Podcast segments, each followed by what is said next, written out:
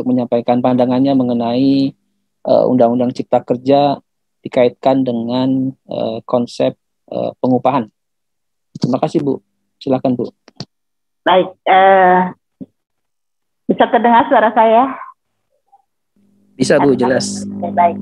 Uh, terima kasih Mas Ari untuk moderator, teman-teman uh, ya apa mahasiswa tenaga kerja uh, saya hormati Prof. Yono ya Pak Abdullah tadi uh, tapi belum bisa muncul Pak Nurhalis juga sebagai pembicara dan IMMH terima kasih atas kesempatan yang diberikan kepada saya untuk uh, pemaparan hari hari ini ya dalam rangka seminar ketenaga kerjaan dan undang-undang kerja.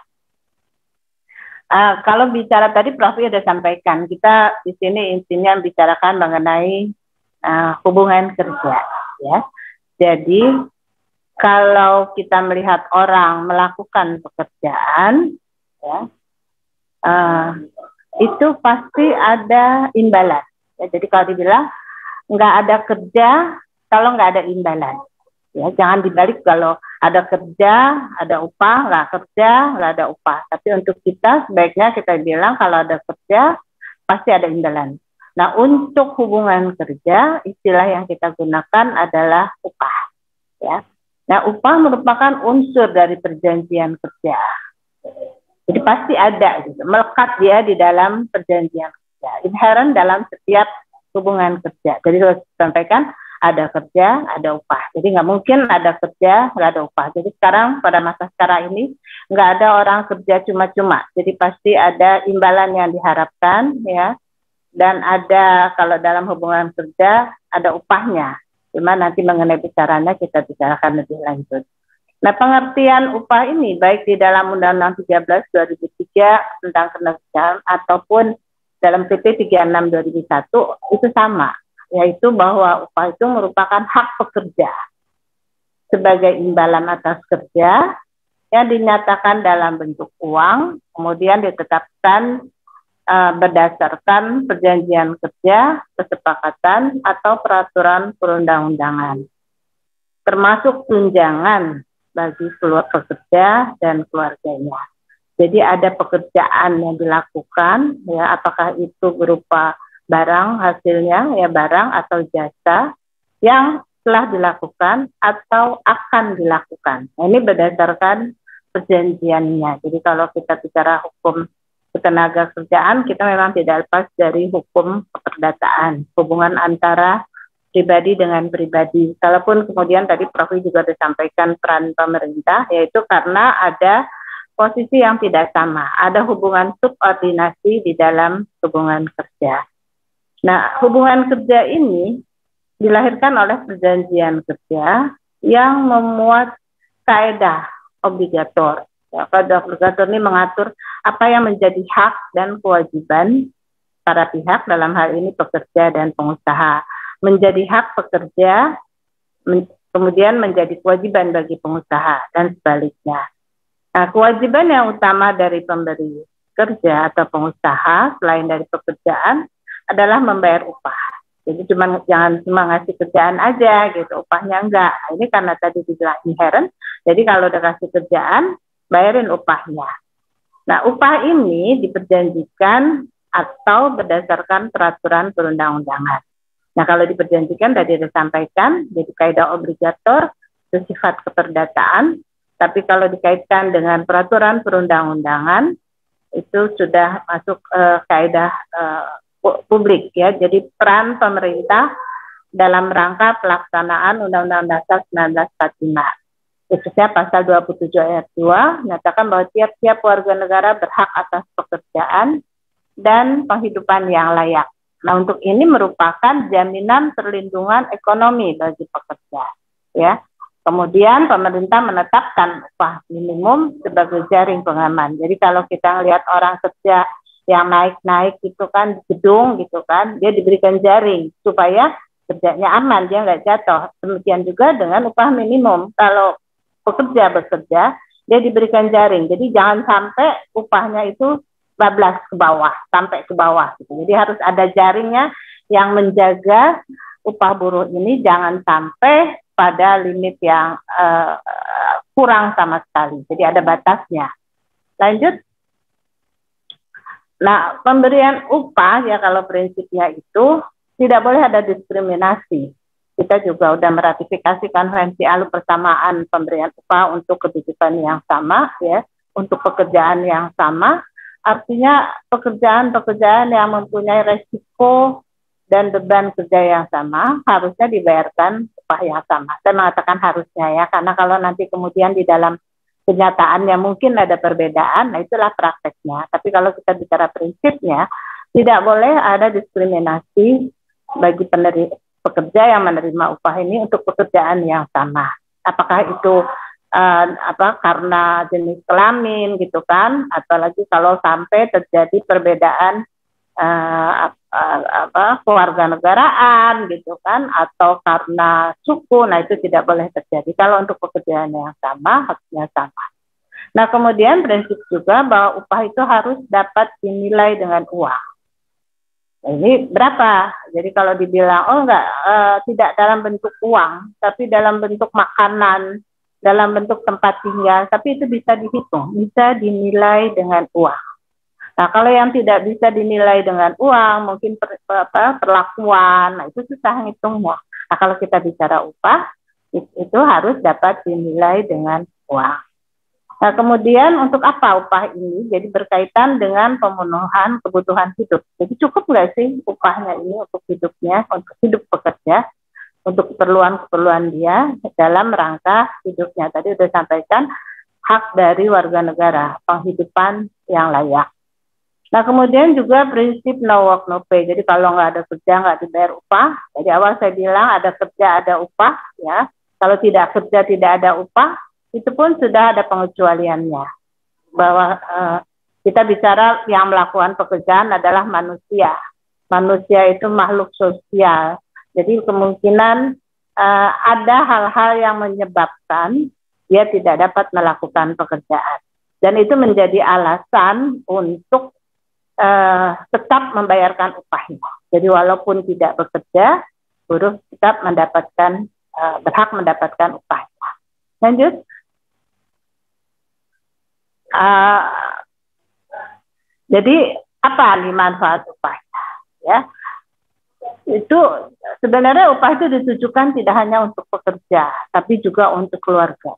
Jadi kalau kita hitungannya lajang, ya nggak ada orang yang mau hidup uh, sendiri terus gitu ya hitungannya pasti ada keluarga dan ini harus dipertimbangkan bahwa untuk hidup ya balik lagi nih manusia makhluk sosial dia nggak bisa hidup sendiri jadi dia perlu nah ini juga salah satu hal yang berkaitan dengan hak asasi manusia jadi tidak boleh juga dihalangi bahwa orang kerja ya upahnya untuk dirinya sendiri nah itu harus diperhitungkan juga bahwa upah yang akan diberikan kepada pekerja itu juga untuk kehidupan keluarganya. Nah, untuk apa ini? Memenuhi kebutuhan makan, minum, pakaian, perumahan, kebutuhan hari-harinya, pendidikan, dan lain-lain kebutuhan hidup. Nah, lain-lain kebutuhan hidup ini bergantung kepada uh, perkembangan. Jadi kalau dulu orang hidup nggak perlu kuota, sekarang ini nggak ada nggak ada. Kalau nggak ada kuota itu serasa tidak hidup ya apalagi kalau untuk uh, anak-anak muda ya remaja-remaja bahkan kita juga yang udah juga perlu gitu apa bahwa eh, komunikasi melalui uh, internet ya. Jadi itu menjadi kebutuhan hidup. Walaupun di dalam eh, belum masuk tapi bisa jadi uh, pertambahan kebutuhan hidup itu karena perkembangan uh, zaman ya. Nah kemudian sekarang ini kita tahu ada undang-undang cipta kerja ya yang uh, merupakan uh, apa ya tadi Mas Ari udah sampai ini. Jadi uh, gerakan gitu kan dari pemerintah kita untuk menciptakan lapangan kerja. Jadi gimana nih kan? Tapi tidak hanya ketenaga kerjaan yang diatur di situ, juga macam-macam. Jadi dalam lingkup uh, secara menyeluruh harus apa? Harus bagaimana ya melakukan atau membuat suatu ketentuan yang mengatur uh, sehingga uh, tercipta lapangan kerja. Terus terang saya juga ketika mau baca undang-undang cipta kerja nyari-nyari dulu kan urut gitu. Lagi nggak punya hard copy-nya bolak-balik pakai apa uh, berubah lagi gitu kan. Halaman yang mana tadi ya? Nah biasanya saya kalau membaca suatu peraturan di halaman pertama itu sudah ada daftar isinya. Sehingga saya bisa menemukan yang saya mau cari. Jadi kalau saya mau cari mengenai bab empat ketenaga kerjaan pada undang undang cipta kerja itu saya bolak balik dulu gitu kan nyari kemudian mencari pasal. Ini merepotkan juga. Tapi inilah situasinya. Jadi kita mau nggak mau nerima karena itu sudah diundangkan per 2 November 2020 kan biasa undang-undang kalau sudah diundangkan itu berlaku bagi semua dianggap semua tahu gitu kan. Jadi kalau apalagi kalau kita apa di ketenaga kerjaan terus kita nggak tahu wah gimana nih orang itu dianggap tahu. Cuman merepotkan gitu ketika membaca yang membuka gitu membuka kemudian mau membaca itu mencari-cari dulu gitu ketentuannya seperti apa. Nah di dalam undang-undang cipta kerja ya yang uh, merupakan perubahan. Jadi kalau tadinya di bab 9 ya dalam undang-undang ketenaga kerjaan ya bab 9 bagian kedua tentang pengupahan itu ada perubahan pasal, ada yang pasalnya dihapus, ada yang dibuat titipan dengan Undang-Undang Cipta Kerja bab 4 ketenaga kerjaan bagian kedua pasal 81 poin 24 sampai dengan 36. Jadi saya membatasi itu poin 24 sampai 36. Nah, pasal perubahan yang uh, dilakukan oleh Undang Cipta Kerja yang dirubah itu pasal 88 pasal 92, 94, 95, dan 98 dari Undang-Undang Tenaga Kerjaan. Ada pasal yang dihapus, yaitu pasal 89, 90, 91, 96, dan 97. Kemudian ada pasal yang disisipkan. Eh kayak ini aja kayak surat ya. Mohon maaf kalau ada A-nya, ada A, ada B, ada C, ada D. Nah, itu ya apa? Mungkin ini perkembangan zaman juga bahwa pasal itu boleh ada ABC-nya A, A besar gitu. Kalau uh, apa uh, ayat gitu kan. Ini bukan ayat gitu tapi ada. Jadi titipannya itu 88A 88B 88C 88D 88 uh, E 90A 90B dan 92A kemudian ada pasal yang tetap juga berlaku 93 nah selain itu juga ada ketentuan mengenai sanksi nah, jadi uh, di undang-undang tenaga kerjaan juga ada sanksi uh, pidana, sanksi administratif ya. Jadi tenaga uh, kerja juga ditentukan. Nah, tapi ada perubahan ada pasal 185 186 karena menyangkut pasalnya berubah nomor pasalnya dan mungkin ada perubahan di situ mengenai isinya. Jadi 185 186 dalam hal sanksi pidana dan pasal 190 dalam hal sanksi administrasi. Kemudian ditambahkan sisipan pasal 191A tentang ketentuan peralihan mengenai pelaksanaan upah minimum. Nanti juga kita lihat bahwa ternyata upah minimum yang sudah ada tetap dilaksanakan sampai belum ada perubahan. Lanjut.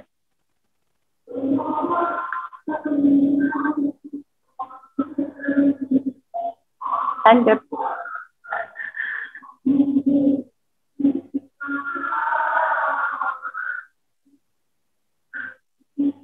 Kemudian hal apa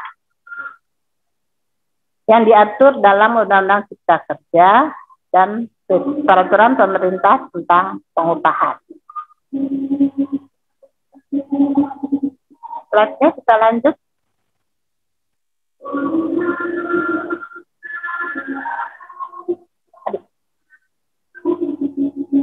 Oke, saya bacain aja deh. Nah ini saya membuat rincian jadi saya bilang agak sulit tapi saya coba untuk menyusunnya. Nah hal-hal yang ada perubahannya jadi pekerja berhak kalau di yang undang-undang tenaga kerjaan penghasilan untuk penghidupan yang layak. Nah, kata penghasilan ini di dalam undang-undang cipta kerja tidak adalah jadi intinya pekerja berhak untuk penghidupan yang layak. Kalau boleh saya berasumsi bahwa jadi penghasilan itu tidak terlalu penting. Yang penting pekerja itu bisa hidup layak.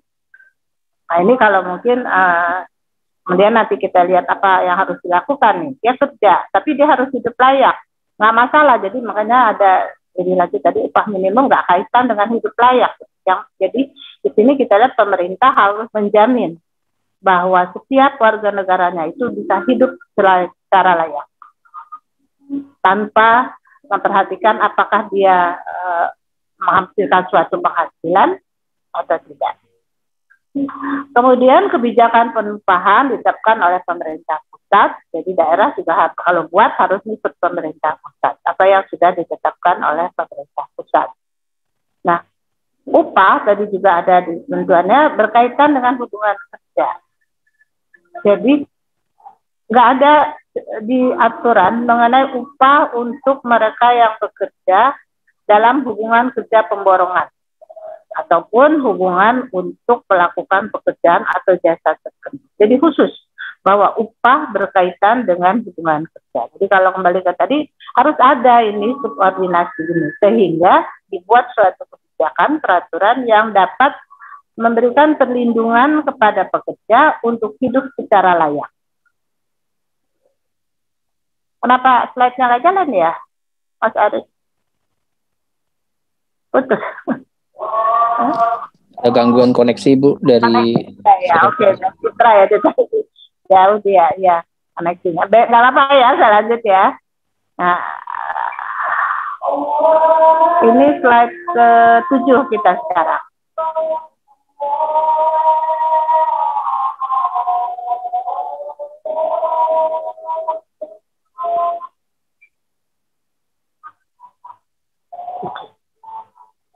Oke. Nah kemudian hal yang baru juga pengusaha wajib membayar upah sesuai kesepakatan dengan memperhatikan peraturan perundang-undangan. Jadi kalau dilihat dari ketentuan ini, sepertinya akan mengembalikan ya fungsi keperdataan yang tadinya pemerintah banyak mengatur, gitu kan, ini mulai dikurangi. Jadi harus ada disepakati mengenai besaran upah tersebut. Jadi kalau kesepakatan, jadi kalau lihat nanti sanksinya juga kesepakatan, sanksi. Jadi pengusaha menyalahi kesepakatan diberikan sanksi pidana. Padahal kalau keperdataan, kalau ada one prestasi itu beralihnya kepada uh, prosedur perdata. Ini yang uh, apa agak beda gitu loh bahwa jadi yang utamanya itu adalah berdasarkan kesepakatan yang tidak boleh melanggar peraturan perundang-undangan juga. Nah, upah kemudian ini juga hal yang baru, bahwa upah ditetapkan berdasarkan satuan waktu dan atau satuan hasil. Jadi digabung nanti kalau udah bicara hasil, sebenarnya kita bicara mengenai hubungan pemborongan kerja. Tapi ini ada ada keranjuan yang menggabungkan, jadi bisa aja upah itu berdasarkan waktu dan satuan hasil. Mungkin ini uh, ketentuan ini mengarah kepada bahwa dalam prakteknya banyak perusahaan yang juga eh, menerapkan pemberian upahnya itu bergantung kepada hasil kerja dari si pekerja. Jadi tidak tidak pasti kalau bilang uh, tidak pasti setiap bulan itu dia menerima misalnya 4 juta. Bisa jadi bulan ini bisa dapat 10 juta. Bulan berikutnya hanya uh, 5 juta. Nah itu berdasarkan hasil. Artinya apa yang sudah dia lakukan. Dan ini sepertinya udah umum terjadi. Artinya uh, Mungkin itu yang diakomodir dengan undang ya. Nah kemudian ketentuannya gubernur wajib menetapkan upah minimum provinsi. Ya. Dan yang agak bedanya dap, gubernur dapat menetapkan upah minimum kabupaten kota dengan persyaratan tertentu dan besarannya harus lebih tinggi dari upah minimum provinsi. Ini memang uh, ada ada persyaratannya ya jadi untuk menentukan upah minimum kabupaten kota karena yang utamanya adalah menetapkan uh, upah minimum provinsi lanjut.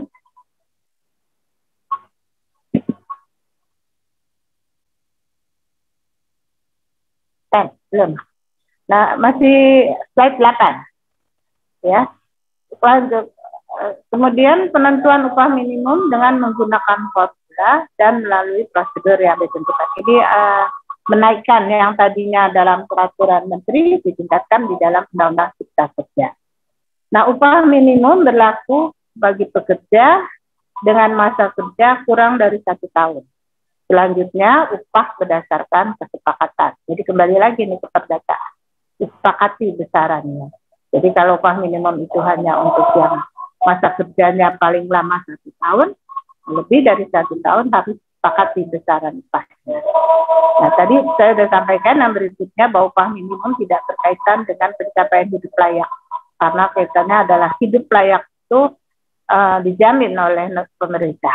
Nah mungkin ada kaitannya dengan uh, apa uh, jaminan sosial. Ya.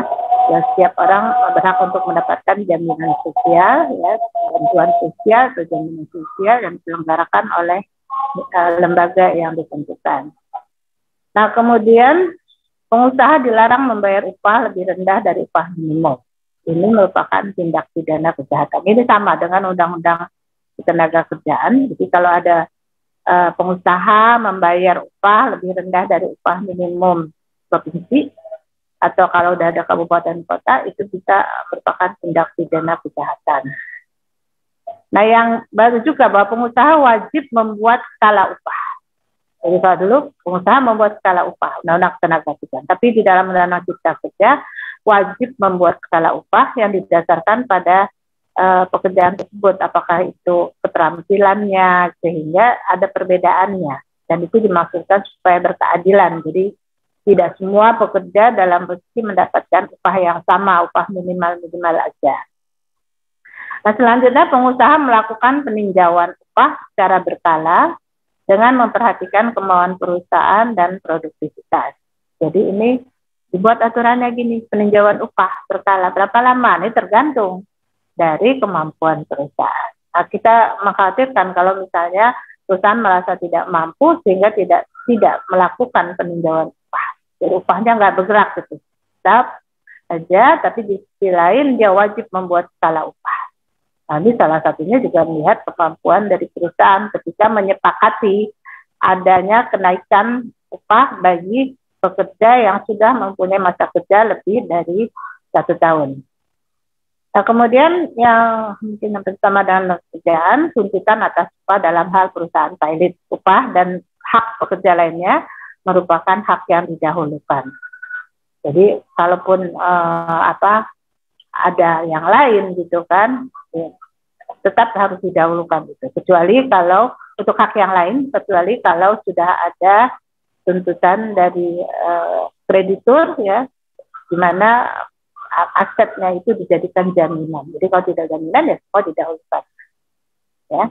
Terus kemudian adanya Dewan Pengupahan sebagai pemberi pertimbangan kepada pemerintah dalam perumusan kebijakan pengupahan serta pengembangan sistem pengupahan. Jadi peran dari Dewan Pengupahan eh, ada peningkatan ya, jadi dia memberikan uh, masukan gitu kan untuk menentukan kebijakan dari Eh, pemerintah dalam hal pengupahan. Lanjut. Izin Bu Siti, waktunya ya? tinggal lima menit lagi Bu. Baik. Maaf. Baik. Ya. Baik. Nah, nah hal yang eh, tadinya ada di dalam dana kerjaan eh, mengenai penangguhan. Jadi kalau dulu pengusaha rasa-rasa nggak mampu, dia mengajukan penangguhan pembayaran upah minimum. Padahal kalau kaitannya itu adalah kaitan dengan penyesuaian. Jadi kalau upah minimumnya mereka mungkin perusahaan itu nggak udah nggak ada masalah, tapi perlu penyesuaian gitu kan. Nah itu yang sering perusahaan kalau ragu-ragu dia mengajukan penangguhan, tapi hal ini tidak diatur lagi di dalam undang-undang cipta kerja. Kemudian juga tidak disebutkan mengenai upah minimum sektoral. Nah dalam prakteknya memang penentuan upah minimum sektoral ini berkaitan dengan sektor unggulan dari uh, daerah tersebut mungkin agak rumit atau bagaimana sehingga di dalam cipta kerja yang rumit-rumit itu katanya supaya uh, kurangi gitu supaya investor mudah menanamkan modalnya di Indonesia dan tercipta lapangan kerja. Kemudian juga ada hal yang berbeda mengenai ketentuan denda, ya, jadi eh, ada denda bahwa ada kelalaian, ya baik itu oleh pekerja maupun pengusaha dapat dikenakan denda.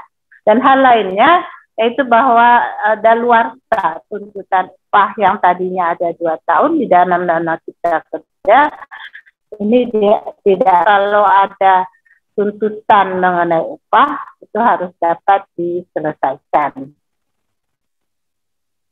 Nah, kemudian, nah dari apa yang disampaikan, saya melihat ada beberapa permasalahan, beberapa yang saya lihat ya. Mungkin ada yang banyak yang lain, apalagi kalau dari pekerja, mungkin permasalahan yang dilihat banyak banget gitu kan. Nah, yang saya lihat bahwa upah berdasarkan satuan waktu dan atau satuan hasil. Nah, ini kalau dasarnya karena ini dan atau jadi atau, jadi ada kemungkinan bahwa upah itu dibayarkan atas satuan hasil. Nah, ini dampaknya uh, tidak bagus untuk pekerja karena nggak ada jaminan kepastian bahwa dia akan menerima upah dari pekerjaan yang dia lakukan. Jadi kalau belum ada hasilnya, jadi tidak dibayar upahnya. Nah, bagaimana prinsipnya nih bahwa upah itu pun merupakan ya inherent di dalam perjanjian kerja. Nah, ini jadi ini perubahannya karena kata apa atau gitu. Dan garis miring atau. Kita orang hukum mengerti deh. Jadi bisa dua-duanya waktu atau hasil bisa juga uh, waktu ya bisa juga hasil. Ya, karena dan atau ini. Jadi kalau semata-mata hasil ini ada kemungkinan prinsip bahwa bekerja mendap, uh, apa, uh, dapat upah ini menjadi uh, jadi singkirkan kemudian pengecualian upah minimum untuk usaha mikro dan usaha kecil karena itu dimungkinkan tidak uh, tidak sesuai dengan ketentuan upah minimum yang berlaku. Tapi ini juga walaupun dengan syarat bahwa itu merupakan tradisional gitu kan teknologi tinggi tidak menggunakan teknologi tinggi dan pada modal ada kekhawatiran bahwa ini akan dimanfaatkan. Karena kalau kita lihat produk banyak daerah-daerah kita yang masih menggunakan gitu kan tradisional gitu kan dengan uh, apa tidak banyak modalnya gitu kan. Tapi ternyata hasilnya hasil kerjanya itu dapat dijual dengan harga yang tinggi. Itu kan kita bisa lihat jadi akhirnya loh yang ngerjain itu dapat apa gitu. Nah kalau dibuat bahwa itu upah apa upah minimumnya boleh upah dilanggar gitu akhirnya boleh di, lebih rendah dari upah minimum. Nah artinya uh, menjaga ya menjamin bahwa pekerja itu bisa hidup layak jadi seperti apa. Dan saya khawatir juga bisa dimanfaatkan bahwa perusahaan-perusahaan besar dia mempunyai anak-anak perusahaan yang sepertinya itu UMKM gitu kan kecil-kecil gitu. Tapi banyak sebenarnya ada induknya yang besar. Nah ini cuma kekhawatiran saya gitu kan. Tapi ini saya melihat bahwa ini jadi bisa jadi suatu permasalahan. Kemudian kategori tindak pidana dan ketentuan sanksi pelanggaran upah itu karena uh, kesepakatan tadi sudah disampaikan. Padahal kalau kita bicara kesepakatan, mestinya itu adalah secara keperdataan. Tapi ini bisa diberikan sanksi dengan ketentuan pasal 185 bahwa upah itu didasarkan pada kesepakatan atau upah minimum. Itu tindak, uh, tindak pidana kejahatan. Kan kalau misalnya uh, tidak bayar upah uh, karena walaupun ada alasan-alasan itu sebagai pelanggaran. Jadi uh, ini yang hal yang agak beda jadi uh, apa membuat um, agak agak beda gitu aturan tenaga, tenaga kerjaan dengan undang-undang cipta kerja. Nah kemudian di dalam undang-undang cipta kerja ada kewajiban bagi pengusaha untuk membuat skala upah. Nah kewajiban ini diikuti dengan sanksi administrasi. Ya, jadi uh, uh, lihat siapa ini akan melihat, memantau gitu kan dari kewajiban pengusaha atau ketentuan yang tidak boleh dilanggar oleh pengusaha. Nah dari itu semua mungkin saya berharap gitu kan bahwa karena ini banyak yang eh, atau upah ini banyak kesepakatan, ya, jadi hasil kesepakatan antara pekerja dan pengusaha. Nah, saya berharap bahwa pekerja yang diwakili oleh serikat pekerja, kalau sudah ada serikat pekerja di perusahaan, harus dapat berunding secara seimbang dengan pengusaha dalam hal kesepakatan tentang upah. Dengan itu bagaimana caranya ya harus pintar, harus bisa gitu. Jangan jangan hanya kita kemudian kalau nggak bisa uh, demo gitu, mogok gitu kan. Tapi kita harus mencarikan solusi yang terbaik. Bagaimana uh, bisa merundingkan apa yang diinginkan sehingga hasil kesepakatan itu benar-benar dapat dilaksanakan. Jadi jangan juga cuma ya ya ya ternyata kemudian tidak dilaksanakan. Nah, untuk ini juga perlu ada peningkatan fungsi pengawasan dari pemerintah. Jadi gimana nih ngawasinnya? Benar nggak nih perusahaan memang perusahaan kecil gitu? Benar nggak nih perusahaan memang uh, belum apa uh, belum bisa membuat skala upah dan seterusnya. Insya Allah yang terbaik untuk negara kita. Demikian lebih kurangnya. Terima kasih Mas Ari. Terima kasih kepada Ibu Dr. Siti Hayati Hussein